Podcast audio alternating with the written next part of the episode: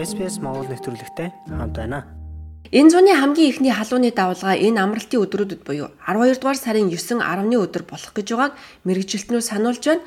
Хит халуунд удаан байх нь ямар үр дагаварт хүргэх халуунаас үүдэлтэй харуултын шинж тэмдгийг танин мэдэх талаар мэдлэгтэй байхыг сануулж байгаамаа. Цаг өөрийн товчны мэдээснээр энэ лавга гарагт дөрвөн мужид агаарын температур 45 хэмээс дээш байсан.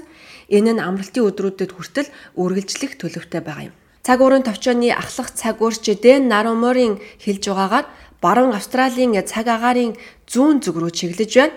Тэндээс хуурай халуун агаарын урсгал ирж байгаа юм. Иймд халууны тесрэлт өмнөд Австралид, Нью Саут Вэлс болон Хойд Виктория зэрэг нутгаар дунджаас 8-аас 16 градусаар илүү байна гэж тэрээр SBS News-д өгсөн ярилцлагада дурджээ. 2001-ээс 2008 оны хооронд Австральд 473 хүн халуунаас үүдэлтэй асуудлаар нас барсан тухай албан ёсны тоо мэдээлэл байдаг бол 2006-аас 17 оны хооронд 36 мянган хүн нас барсан гэсэн тоо баримтыг Австралийн үндэсний сургуулийн судлаачдын хийсэн судалгаагаар 2020 онд тогтоосон байна. Тэгвэл энэ зам өөрийгөө хэрхэн хамгаалах вэ? Баасан гарагт Аделаидад хамгийн дээд температур буюу 36 хэмд хүрэх бол Мельбурн хотод 33 хэм хүртэл халах төлөвтэй байна.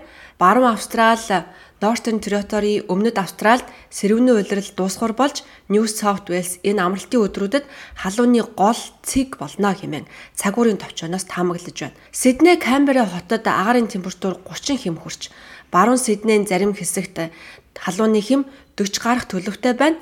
Цагуурын товчооноос New South Wales-ийн Hunter Region болон төв болон өмнөд хэсэг, өмнөд эрэг дагуу баруун дүүргүүдэд халууны сэрэмжлүүлгийг хүргэж байгаа юм. За цагуурчийн мэдээлж байгаагаар New South Wales бям гаргийн оройноос эхлэн агаарын хим буурч нэм гарагт 20 градус хүрэх төлөвтэй байгаа юм байна. Халуунд үүсэх эрүүл мэндийн асуудлаас хэрхэн сэргийлэх талаар одоо ярилцъя. Өндөр хэмт удаан хугацаагаар байх нь бие махбодыг асар их ачаалалд оруулж шингэн алдагдaltaас эхлээд халуунд харвах хүртэл халуунтай холбоотой хэд хэдэн эрүүл мэндийн асуудал үүсдэг.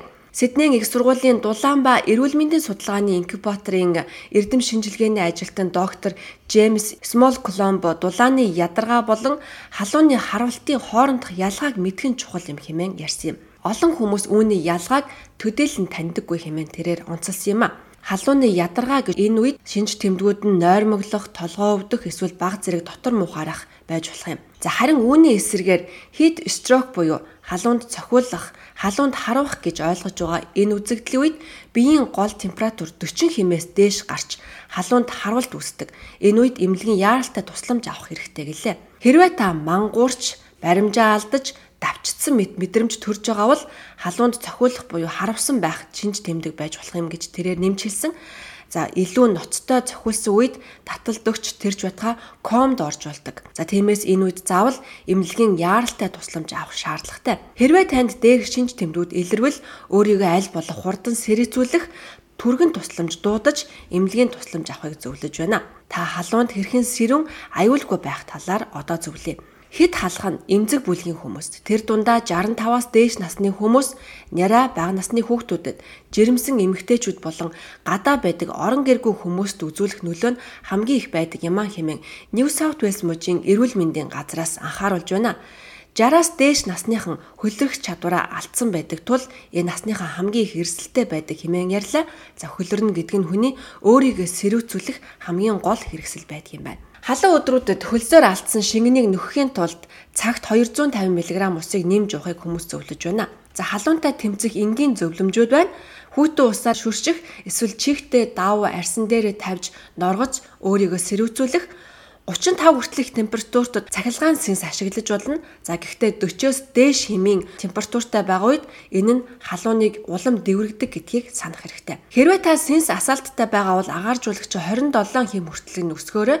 За энэ нь илүү үр дүнтэй сэрүүцүүлэх бөгөөд эрчим хүчний хэрэглээг 70 хүртэлх хувиар бууруулдаг юм хувцсыг тайлж нэмгэн байгаарай. Мөн хүүхдээ тэргэнд авч яваа бол эцэг эхчүүдэд өгөх нэг зөвлөгөө байна. Та тэрэгний гадуур нойтон алчуур тохож яваарай.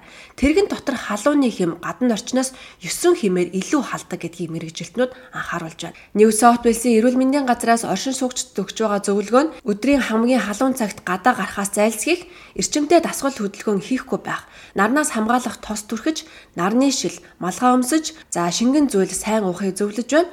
За тус байгууллагын сайтанд өгч байгаа мэдээлэлэр бол халууны үед гэртээ шарх шүүгээ ажилуулахгүй байх, халуун өдрүүдэд аялахаас зайлсхийх, нарны халуун гэлчиг гэрт оруулахгүй тулд хөшгөө хаахыг зөвлөж байгаа юм а.